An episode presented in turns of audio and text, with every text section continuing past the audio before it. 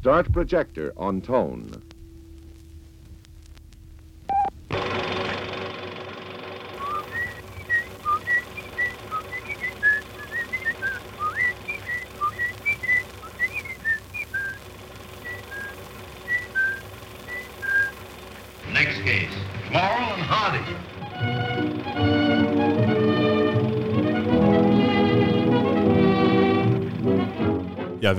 Radio Orkaan. Mijn naam is Edwin Kleijs en ik ben hier te gast bij iemand in de Oostzijde in Zaandam.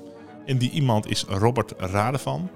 We kwamen elkaar eh, onlangs tegen en toen vertelde jij dat je de voorzitter bent van een heus Laurel en Hardy genootschap. Er zijn er meerdere in Nederland ook.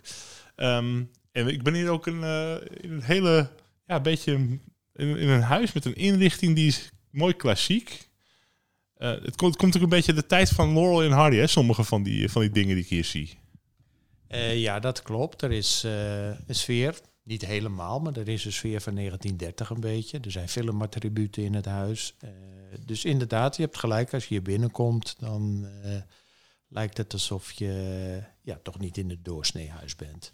Maar dat tezijde, ik eh, ben inderdaad eh, voorzitter, eh, ze noemen dat een Grand Sheik, van het ge- Lau en Hardy genootschap, de Perfect Day Tent in Nederland. Ja, we moeten even improviseren met de microfoon, want we hadden een microfoonprobleempje, maar dat komt helemaal goed. Ehm, de Perfect Day Tent. Jullie organiseren trouwens deze zaterdag, dat is 14 mei, eh, een eh, speciale avond in het filmtheater De Fabriek. Daar zijn nog enkele kaarten voor op het moment dat we dit opnemen. Dus k- kunnen mensen eventueel een kijkje gaan nemen. Daar gaan we straks over hebben wat jullie daar allemaal gaan doen. Eerst even de Perfect Day Tent. Elke afdeling of elk genootschap he- heet een tent. Begreep ik in het kleine voorgesprekje dat we hadden. En waar komt de naam Perfect Day vandaan? De naam Perfect Day is een eh, titel van een film van Lau en Hardy uit 1929. En eh, wij hebben die eh, gekozen. Maar om het in een bredere context te brengen, in 1963, toen Stan Laurel nog leefde, Oliver Hardy was inmiddels al overleden in 1957, toen ehm, is er eigenlijk vanuit liefhebbers eh, contact geweest met eh, Stan Laurel. eh, van ja, wij willen eigenlijk een soort fanclub gaan oprichten. Wat vind jij daarvan en hoe denk je daarover? Ehm, hij vond dat een leuk idee, hij vond dat goed, maar hij had een paar. het was een hele komische man en hij had een aantal toch wensen, eisen. En hij zei: Ja, dat mogen eigenlijk geen fanclubs heten, dat moet een genootschap zijn. En ik wil dat er ook eh, een soort reglement wordt opgesteld waarin eh, al die eh, fanclubs zich aan moeten voldoen. En het was ook eigenlijk zijn idee van hij denkt ja ze doen dat, maar het is helemaal niet serieus en het zal maar een paar jaar bestaan en daarna dan vliegt het wel weer over. Niet wetende dat in 2022 er bijna 400 Lau en Hardy fanclubs in de wereld zijn. Dat had hij zich nooit kunnen bedenken. Maar goed, eh, het punt is dat eh, hij dus zei van ja, iedere fanclub die moet de naam een tent dragen. En eh, die moet een nummer krijgen. En ik wil ook dat de tent een naam van een film draagt. Nou, de Sons of the Desert, dat is tent nummer 1 in New York. Dat was duidelijk. En daarna zijn er mondjesmaat allemaal wereldwijd eh, bijgekomen. Maar in eerste instantie alleen in Amerika. Totdat in 1971 eh, een groep eh, liefhebbers in Nederland zeiden van... hé, hey, wij willen eigenlijk ook een tent gaan oprichten. Toen is er geweest, contact geweest met John McCabe in Amerika. Dat is de man die eigenlijk gesproken heeft met Stan Laurel... en ja, de grondlegger is van, eh, van alle tenten in de hele wereld. En daar is met hem overleg geweest. En toen zeiden ze, ja, nee, dat is prima als jullie dat in Nederland ook willen doen. We waren dus in 1971 de eerste tent buiten Noord-Amerika die eh, werd opgericht. En wij hebben dus eh, nummer 13. En eh, het grappige is, eh, bijkomstigheid, dat in de film eh, Sons of the Desert, waar, eh, die draaien we trouwens zaterdag, daar wordt wat meer uitleg gegeven uh, in die film over wat, wat is nou de Sons of the Desert. Het is eigenlijk een groep liefhebbers. En Lau en Hardy waren daar uh, deelnemers in. En die kwamen dus uit Los Angeles en zij hadden nummer 13. Dus dat is toevallig hetzelfde nummer wat wij hebben. Daar zijn we eigenlijk best trots op. Maar het feit is dus dat wij sinds 1971 al een fanclub hebben. Maar eigenlijk dateert het al van iets eerder, want in 1968 zijn we in Nederland begonnen met het Lau en Hardy Fonds. Toen wisten we nog helemaal niks van uh, tenten af. En uh, drie jaar later zijn we dus uh, een onderdeel geworden. Ja, dus de, de oudste fanclub eigenlijk buiten Amerika dat jullie zijn, als ik het even wel, wel hoor. Um, ja, en dan jouw eigen fascinatie. Want jij zit hier, zoals je al zegt, in 2022 in een uh, huis waar ook de nodige eerbetonen aan Stan Laurel en Oliver Hardy te zien zijn. Waar is het voor jou allemaal begonnen? Uh, het is begonnen halverwege de jaren 60. Mijn vader had uh, een 8 mm filmcamera en die maakte familiefilmpjes en dergelijke. maar toen wij jarig waren, dan huurde mijn vader uh, films. Ja, later werd dat uh, video's en dvd's natuurlijk. Maar in die tijd huurde je gewoon 8 mm films of eventueel 16, maar dat was te duur. en die ging je ophalen en die speelde je af. Nou, en dat waren uiteraard niet alleen Lau Hardy films, maar dat waren communicapers, uh, cowboyfilms, uh, noem maar op. Op verjaardagen en af en toe in het weekend als mijn vader een goede bui had om, uh, om films te halen. En ja, dat was eigenlijk de eerste keer dat ik met hun in contact ben gekomen. En dat vond ik heel leuk. Alleen dat is altijd een beetje op de achtergrond gebleven. Totdat begin jaren tachtig Lau en Hardy een herbeleving kregen bij de VPRO op de televisie. En uh, toen is het echt serieus geworden. Ja, dus toen, en, en wat gaf dan de, de spark, dat, dat je het toch weer zag en dat het weer langskwam. En wat trok jou zo aan in die filmpjes? Want vroeger waren het gewoon uh, de zwart-wit films die zij zelf maakten. Later zijn er nog cartoons bijgekomen. Volgens mij nog strips ook. Uh, er is een paar jaar geleden een speelfilm geweest, een biografie eigenlijk, over het, het leven van Laurel en Hardy. In 2017 of 18 is die uitgekomen. Maar wat, wat gaf voor jou dan de doorslag dat je op een veel meer geïnteresseerd was? En dat je, wat, wat trok jou er zo in aan? Uh, ja, mooie vraag. Antwoord is altijd wat lastiger soms dan de vraag. Mm, die vraag is me vaker gesteld. En niet alleen aan mij, ook aan andere Leonardo-liefhebbers. Uh, het feit is dat de heren eigenlijk tijdloos zijn. Als je kijkt naar uh, andere komieken uit die tijd, Harold Lloyd, Buster Keaton, Charlie Chaplin, Meestal zijn de namen wel bekend bij de liefhebbers, maar de films zijn minder aantrekkelijk in de hedendaagse tijd. Het zijn ook met andere bedoelingen opgenomen. En uh, Stan en Ollie waren een duo. De anderen waren dat niet. En juist uh, bij een duo, wat je ook later bij de Mounties ziet en uh, andere uh, situaties. Er is een aangever en er is een, uh, een kijkman die met de grappen wat doet. Nou, en dat was Bustan en Olly ook. zij waren ook vrienden, goede vrienden van elkaar, maar ook hele goede collega's. En konden het heel goed met elkaar vinden. En je ziet dat ook terug in hun films. Dus er is een soort humor die mij heel erg aanspreekt. Uh, ook wel tragisch, want ze zijn nooit succesvol in, eh, in de grote boze wereld. Ze gedragen zich soms ook een beetje als, als kinderen. Dat is troostend. Dat is troostend. Uh, ze hebben altijd ruzie met vrouwen, of eigenlijk vrouwen hebben ruzie met, uh, met hun. En er is een ander belangrijk punt. Zij zijn een heel goed voorbeeld van acteurs die de opgang van de sprekende film heel goed hebben over, overleefd. Sterker nog, ze zijn er eigenlijk alleen maar beter van geworden. Simpel voorbeeld uh, als tegenstelling is Rudolf Valentino. Misschien dat heel veel mensen dat niks meer zeggen, maar dat is zeg maar de Brad Pitt van, van de jaren twintig. Uh, sekssymbool. Die had een piepstemmetje. En dat paste helemaal niet bij zijn karakter. dus toen de sprekende film kwam, was zijn succes over. Dat gold ook een beetje voor Charlie Chaplin. Charlie Chaplin wilde ook geen sprekende films maken. Daar is hij later wel op teruggekomen. En de studio van Hal Roach, wat een onderdeel was van MGM, waar uh, Stan en Ollie werkten. Hal Roach was een heel vooruitstrevende man en die zag uh, brood in de, in de sprekende film. Dus die had al heel snel in 1929 een uh, rijdende studio in een vrachtwagen om geluidsfilms op te nemen. En Oliver Hardy en Stan Laurel, die hebben dat opgepakt. En het grappige is, uh, is dat hun stemmen ook heel goed bij hun karakters uh, passen. Dus het is feitelijk alleen maar een aanvulling geworden. Er zijn natuurlijk heel veel zwijgende films die goed zijn. Maar je ziet dat in de sprekende films, dat hun karakters eigenlijk nog beter tot uiting komen.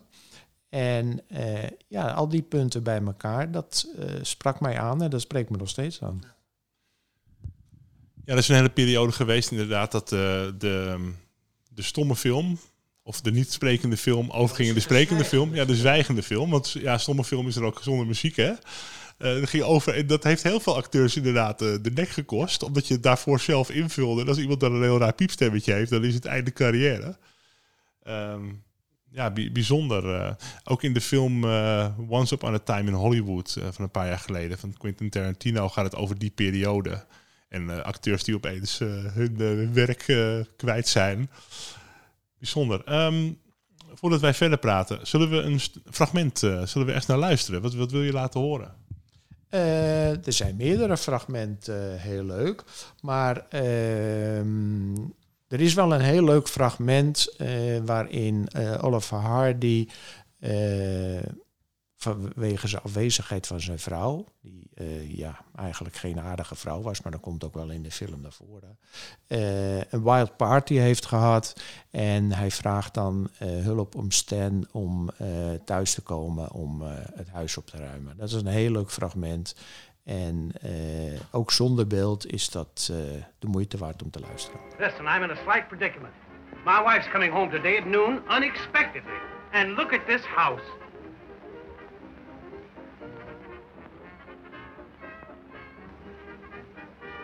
What's the matter with it? What's the matter with it? You never met my wife, did you? Yes, I never did. What do you mean, yes, I never did? That's my wife. Isn't she sweet? Charming. Where is your wife? She's in Chicago with her mother. She having a nice time? Sure, she's having a nice time. She's been gone for more than a week. Uh, I don't care whether she's having a nice time or not. What I mean is, if she comes home and sees this house like this, she'll know that I've been having a wild party. I've never known it to fail. What? When the mice are away, the cats are always playing around with things and doing something. If the mice run... I want you to help me clean this house. I'd do the same for you. No, you wouldn't. Yes, I would. Oh, no, you wouldn't. How do you know I wouldn't? Because I'm not going to get married. Ik wil eigenlijk wat meer over de heren weten. Ja, we kennen natuurlijk zelf de figuren. De dikke en de dunne werden ze ook genoemd in, uh, in Nederland. In het Nederlands. Wat kun je vertellen over hun, over hun levens, biogra hun biografie en hoe ze elkaar ontmoet hebben? Uh, ja, daar kan ik heel veel over vertellen. Er zijn hele boeken over volgeschreven. Maar ehm, in kort komt het erop neer dat uh, Stan Laurel was een Engelsman, geboren in Engeland. Kwam uit de familie van variété. Zijn vader was ook variété-artiest. Um, hij is naar Amerika gegaan samen met het gezelschap van Charlie Chaplin. Charlie Chaplin is toen gebleven in Amerika. Hij is later weer teruggegaan naar Engeland.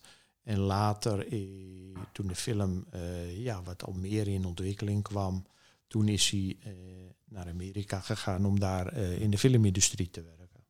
Dat wilde hij afhankelijk doen als acteur, maar dat was geen succes. Het was niet een succes vanwege het feit dat hij slecht acteerde.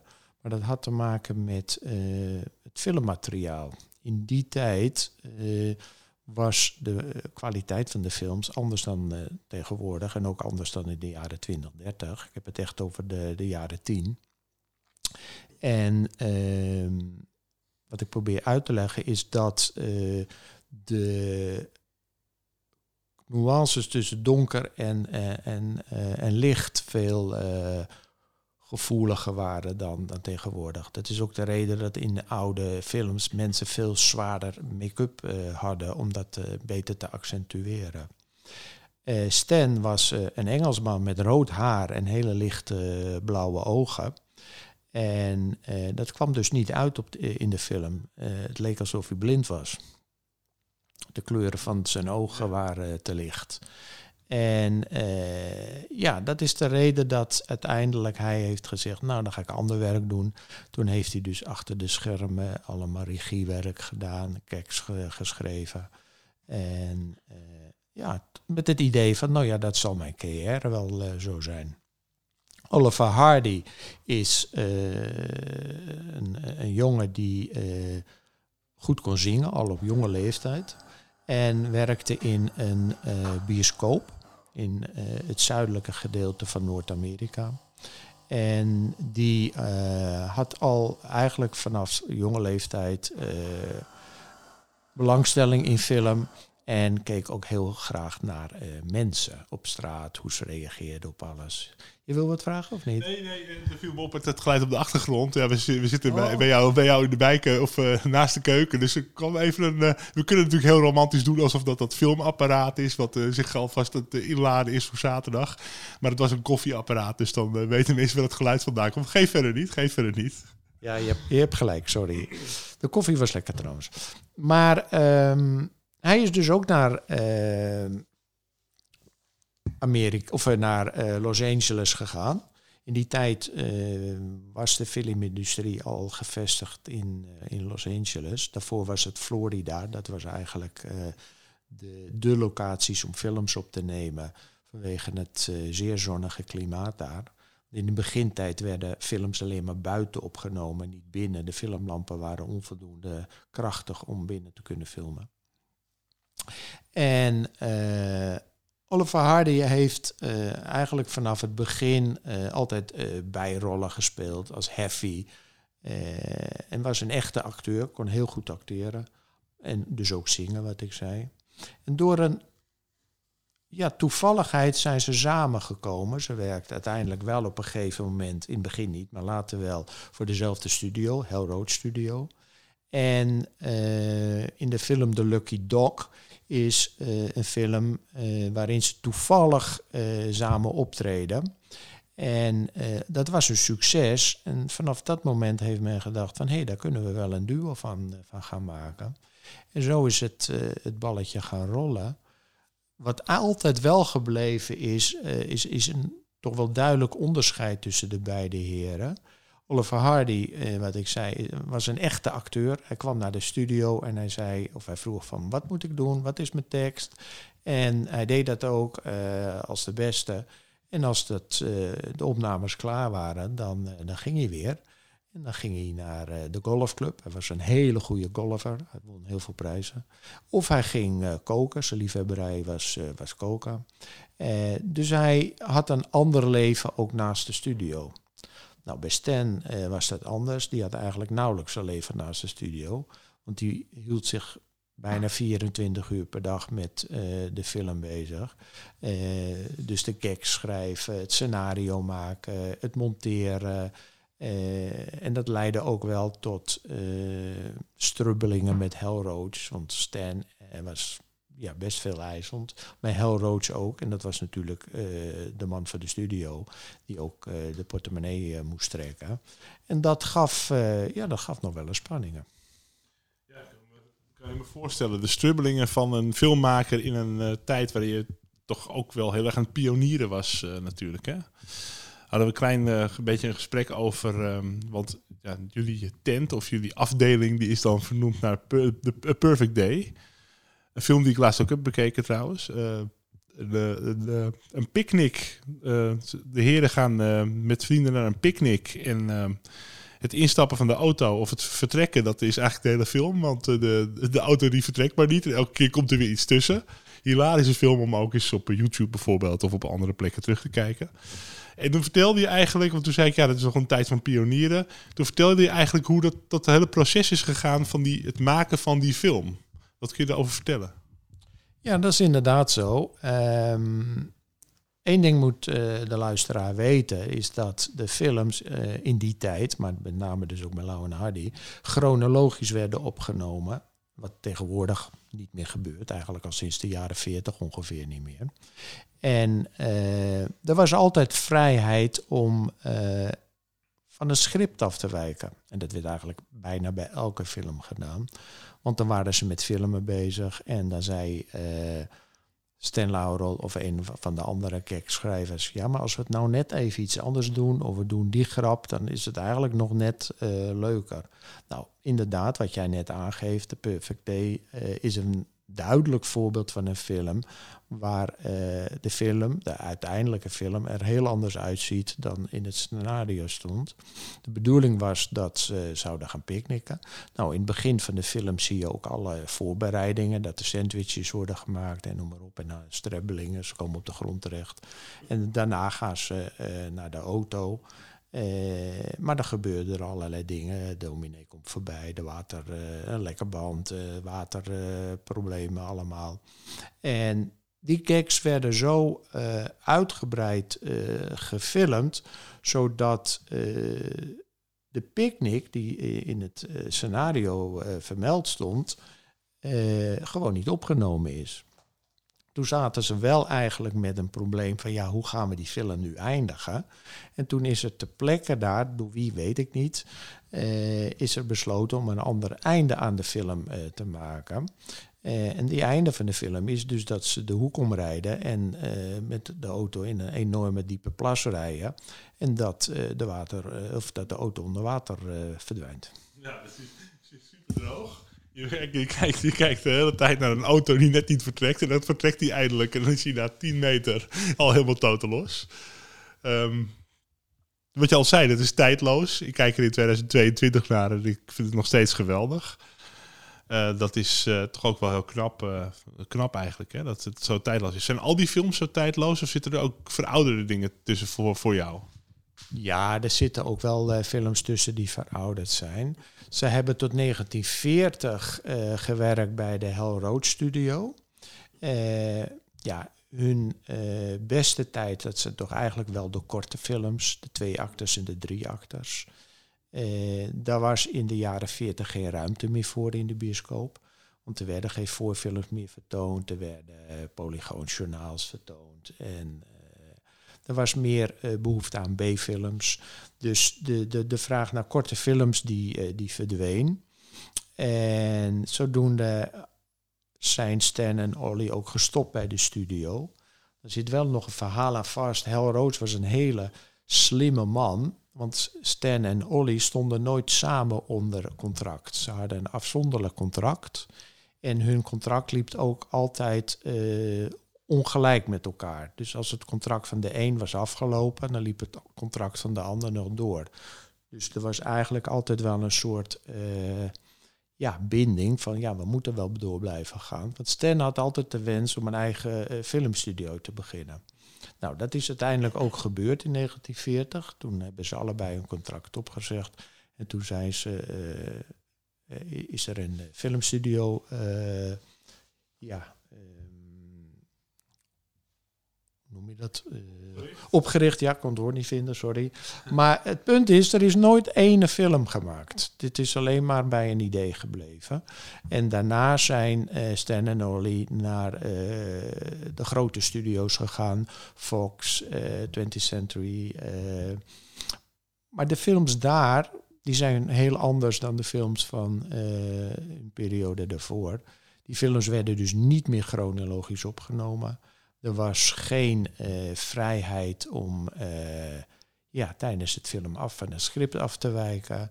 Uh, de montage werd niet meer door Stent gedaan, dat mocht hij niet doen. Uh, er waren de filmbazen die dat beslisten. Dus uh, ze waren eigenlijk alleen maar acteurs. Ze deden wel hun best. Ze hebben heel veel gags vanuit vroegere films opnieuw gebruikt. Maar de vrijheid om, om, om zelf de film helemaal uh, vorm te geven, die was er niet meer. En ja, dat zie je ook wel terug in de kwaliteit van de films, vind ik. Ja. Baby, where'd you get those eyes?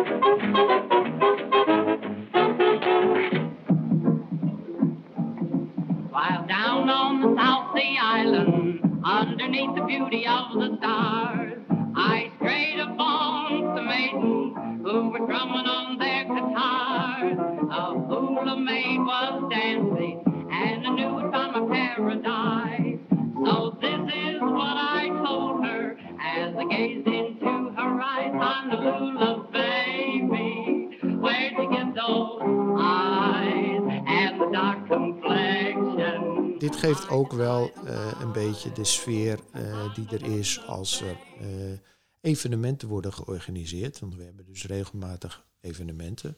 We zijn dan nu binnenkort in, de, in de fabriek hier in Zandam te zien. daar zullen we zo meteen waarschijnlijk nog wel wat meer over hebben. Maar er worden ook Lau en Hardy conventies georganiseerd. wereldwijd in Nederland, in Engeland, in Amerika. En tijdens die conventies, ja, dan is eigenlijk uh, feesten en uh, socializing uh, een belangrijk begrip. ja, en ik denk dat dit wel een heel goed beeld daarbij is. Muzikaal gezien natuurlijk. Ja, want wat kun je vertellen over zo'n zo'n genootschap? Ik denk dan, je komt bij elkaar, je hebt allemaal dezelfde liefde voor Laurel en Hardy. Kijken jullie dan met z'n allen altijd alleen maar films? Wat, wat gebeurt er verder? Uh, worden er verzamelingen uitgewisseld? hoe moet ik dat zien? Nou, dat is heel eenvoudig. Uh, wij als uh, Perfect Day Tent, wij organiseren twee keer per jaar leuke middag. Zo heet dat dan, leuke middag. En dat doen we eigenlijk altijd in de Movies in Amsterdam. En daar zijn al onze leden en introducees zijn, zijn welkom. Daar worden films bekeken. Er is heel veel uh, socializing. Er worden inderdaad ook wel uh, wat memorabilia verkocht en dergelijke. Maar het, is, het is een soort familiegebeuren. Je komt bij elkaar, je ziet de vriendenkring. Uh, en je ziet elkaar en je geniet van de films. En je drinkt een biertje. Er zijn zelfs mensen die komen en die zeggen: Ja, nou, de film hoef ik niet te zien. Ik vind mijn vrienden veel belangrijker. Dus het, het, het is gewoon een, een, een hele sociale happening. Maar goed, dat is alleen maar een, eh, een middag. En s'avonds wordt er daarna wel ergens gegeten of gedronken. De, de conventies zijn anders. Uh, je hebt de, de, Wereldconventie, je hebt de Europese Conventie en je hebt de Engelse Conventie. Dat zijn meerdaagse evenementen waar uh, allerlei uh, Lau Hardy mensen samenkomen. Uh, ook vanuit andere landen. Dus als je lid van onze club bent, kan je ook zeggen van nou, ik ga naar Engeland, naar een Engelse conventie, of ik ga naar Amerika, naar een Amerikaanse internationale conventie. En daar uh, worden uiteraard films bekeken, maar is ook een uh, socializing bij. En meestal zijn dat evenementen voor drie tot vijf dagen lang, waarbij je gewoon vijf dagen lang ja, bezig gehouden wordt met, uh, met alles wat met Lauwenhardy te maken heeft. En uitstapjes en, en, eten en drinken en noem maar op. En dat hebben we dus ook meerdere keren hier in, in Nederland georganiseerd. We hebben meerdere keren een Europese conventie uh, georganiseerd. En één keer een wereldconventie hebben we gedaan. Hoeveel mensen komen daarop af dan? Dat wisselt een beetje. Om het voorbeeld te geven van de Europese conventie, toen hadden we geloof 250 mensen. Toen hadden we heel Avifauna afgehuurd. En ook nog het uh, andere hotel in uh, Alphen aan de Rijn. En ja, dan heb je dus uh, vijf touringcar me, vol met mensen die je ja, overal naartoe brengt. En dan huren we ook altijd Tuschinski af, want dat is ook eigenlijk een beetje een vaste locatie van ons. Om daar een, een heel e- filmevenement eh, te organiseren. Wat in het teken van de jaren 30 staat. Dus niet alleen Lau en Hardy films, maar ook eh, de dames met eh, snoepjes, koekjes, eh, de portier die erbij staat. op het toneel, lookalikes, entertainment. Zodat er een, ja, een dagvullend programma ontstaat. Te gek. En zaterdag dus de film in de fabriek. Wat gaat daar gebeuren? Want er zijn nog enkele kaarten, zoals ik eh, net zei. eh, nog niet, niet iedereen heeft zich nog ingeschreven die lid is van het genootschap. Maar eh, iedereen kan er naartoe, hè, als er nog kaarten zijn. Wat, wat gaat daar gebeuren zaterdag? Een kleine correctie. Niet iedereen mag daar zomaar naartoe. Eh, je bent wel welkom, maar het is wel bedoeld voor leden. En dat heeft te maken met filmrechten. Het is dus geen openbare eh, voorstelling. Maar als je lid wordt van onze eh, vereniging, wat maar 15 euro per jaar kost, dan, ja, dan kan je uiteraard wel de films bijwonen. We gaan drie korte films vertonen met een pauze en een hoofdfilm. Dat zijn eigenlijk best wel de, de beste films van Lau en Hardy. En met name Sons of the Desert. Dat is eh, de kaskraker ooit. Dus, eh, nou ja, zo kun je gelijk eh, nieuwe zieltjes eh, werven. Ken je meer fans in de Zaanstreek trouwens? Want ik weet, in Amsterdam zit er wel aardig wat. Maar zijn er Zaanse Laurel en Hardy fans nog die je kent? Die zullen er zijn, maar ik ken ze eerlijk gezegd niet. Ik ben zelf van origine Amsterdammer. Eh, we zijn eh, sinds zeven jaar woonachtig in, eh, in Zaandam. Maar ehm, ik zou niet 1, 2, 3 een naam kunnen noemen. Daar ben ik heel eerlijk in. Nou, die ga je dan vast bij de bijeenkomst ontmoeten. Want dat, dat zal wel weer nieuwe, nieuwe mensen aantrekken die een paar beeldjes van Laurel en Hardy op de schoorsteenmantel hebben staan, op zijn minst. Ja.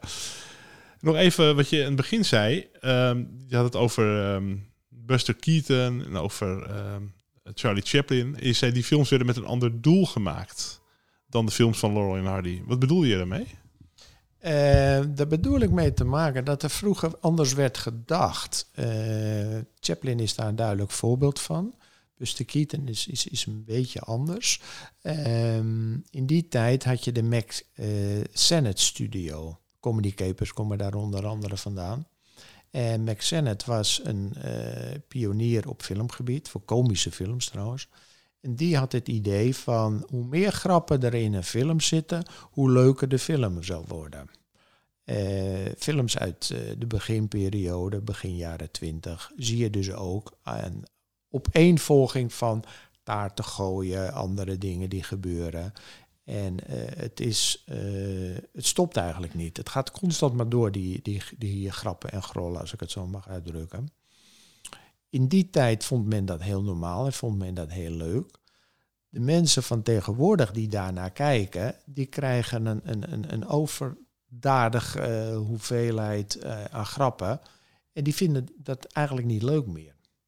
Eh, de opbouw ontbreekt. En eh, Stan en Ollie, en dat was met name Stan, was daar eh, toch wel de drijvende veer in. Die zeiden nee, we moeten de grappen anders gaan maken. Dus wat je bij een film van Stan ziet, en, en Ollie uiteraard, is dat er iets gebeurt. Eh, er gaat iets kapot of er valt iemand. En dan is er een rustmoment. Veelal in dat rustmoment zie je het gezicht van de dikke, Oliver Hardy. En dan zegt hij iets van, there is another nice mess you got me into. Maar in ieder geval is er een, rustmoment, zodat de mensen uit kunnen lachen. En op het moment dat er stilte ontstaat, komt er weer een nieuwe grap. Dat was in die tijd niet gebruikelijk. Maar dat is wel de manier waarop wij heden te dagen nog steeds naar eh, komische films kijken. Ja, het, het doseren van, eh, van de opbouw en van grappen. En eh, ja, zoals bij alles in het leven, als je alleen maar aan overkill werkt, dan is het eh, nergens goed voor. Nou lijkt het me dat Laurel en Hardy heel veel mensen hebben geïnspireerd die later zijn doorgebroken. Ehm, en die dat, ook, die dat ook zeggen. Heb je voorbeelden van mensen die dat uitdragen? Van ja, Laurel en Hardy hebben mij altijd geïnspireerd. Dat zijn voorbeelden voor mij voor een, voor een oudere generatie. Nou, het duidelijkste voorbeeld, en dat kent iedereen wel en herkent denkelijk ook de meeste mensen wel, is eh, André van Duin. André van Duin is ook erelid van ons en heeft het nooit onder stoelen en banken geschoven dat hij grappen eh, gewoon gebruikt heeft die Stan Laurel ooit eh, gemaakt heeft of verzonnen heeft. Maar vergeet niet dat gagschrijvers die in de jaren dertig voor de studio's werkten, die, die die jatten gewoon van elkaar. Ik bedoel, wat, uh, een grap die links werd gebruikt, werd ook rechts gebruikt. Dus het is ook heel moeilijk om uh, rechten te beschrijven voor een grap die je verzint. Ik bedoel, dat is iets anders dan dat je een, uh, een uitvinding doet waarop je octrooi vraagt. Op een grap kan je geen octrooi op vragen. Dus grappen en grollen, die werden links en rechts uh, van elkaar geleend en ook opnieuw gebruikt. Je ziet ook in een aantal films van Leonardi dat een gag die gebruikt is, uh, tien jaar later in een nieuwe film weer werd gebruikt of net even iets anders, maar dat de basis wel hetzelfde is. En nogmaals wat ik zei, Launa, uh, André van Duinen heeft dat altijd gedaan. Ik denk dat hij het nog steeds. In Amerika heb je wel een paar die dat ook hebben overgenomen. Ja, misschien Jacques Tati ook, maar ik denk het, dat dat wat lastiger is om dat te zeggen, omdat dat ook weer een acteur is die alleen zijn films maakte. Het was geen duo. Maar ja, misschien Abbott en Costello, die later natuurlijk uh, na Stan en Ollie heel populair werden in Amerika. Zijn hier nooit zo populair geweest. Zie je ook bepaalde grappen terugkomen. Ja, die, die, die films werden destijds ook heel anders gedistribueerd. Hè? Als je tien jaar later het weer in een film, film gebruikte, dan wisten veel mensen misschien niet meer. Ja, niet iedereen. je had toen nog niet een hele collectie DVD's in de kast staan. En dat je wist, ja, maar die, die, ik heb ze, al, ken ze allemaal uit mijn hoofd. Je zag misschien een film één keer. En dan ging je weer door met je leven. Dus dan kon je het ook makkelijker uh, nog een keer gebruiken of net in een ander vormpje gieten. Ja, ja um, god, we hebben al, heb ik alweer veel geleerd. Ik heb geleerd dat uh, Laurel en Hardy veel mensen hebben geïnspireerd. Dat ze tijdloos zijn. En dat die liefde um, heel erg breed wordt gedeeld, nog steeds. Bijna 100 jaar nadat die films zijn uitgekomen. En ook niet zo snel verloren gaat. Dus uh, ik wil je heel erg bedanken daarvoor. Is er nog een laatste fragment waarmee we eruit kunnen voor deze podcast?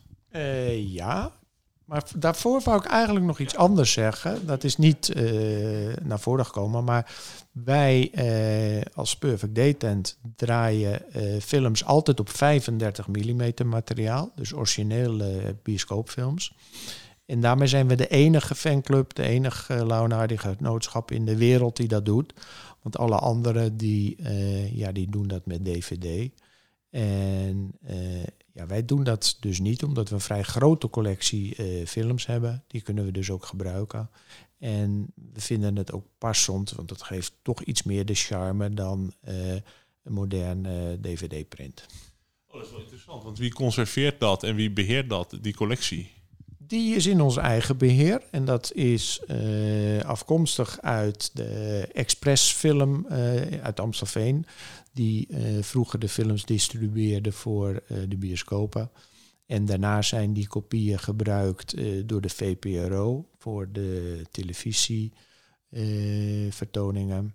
En daarnaast zijn ze gebruikt door Movie Select om daar videobanden van te maken. Maar de originele printen die zijn uh, in ons bezit. En ja, zo links en rechts krijgen we af en toe nog wel eens uit privéverzamelingen een, een kopie. Want ja, uh, het is oud materiaal, het is vergankelijk. En uh, willen we hiermee door blijven gaan, ja, hebben we toch af en toe wel eens een nieuwe kopie nodig. Ja, kan ik me voorstellen. Ja, wel bijzonder dat je dan het originele materiaal dat je beschikking hebt Waarmee zullen we eruit gaan? Ik denk dat we nog een leuk fragmentje moeten uh, laten horen aan de mensen. Waarbij uh, het duidelijk gaat om het geluid. En uh, ja, het beeld komt vanzelf wel bij de mensen vanzelf tevoorschijn, denk ik. Nou, wil ik je heel erg bedanken.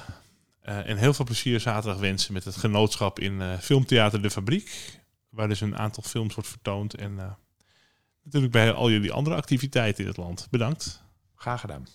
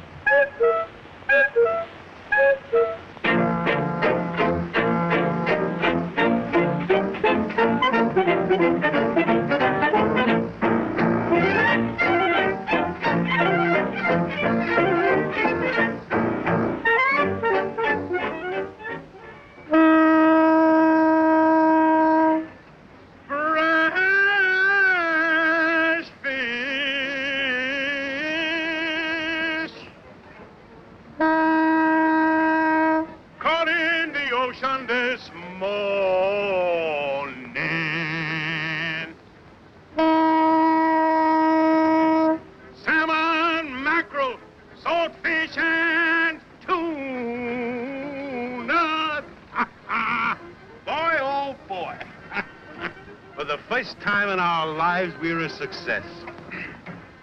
A nice little fish business and making money.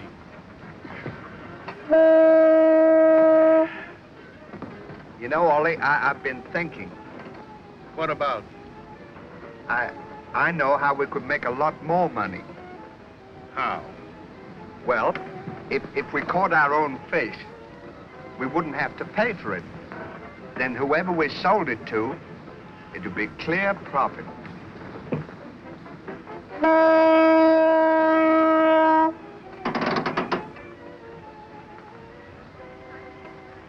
Tell me that again. Well, if, if you caught a fish, and whoever you sold it to, they wouldn't have to pay for it. Then the profits would they'd go to the fish. If, uh, if you... If you caught... I know exactly what you mean. Your idea is to eliminate the middleman.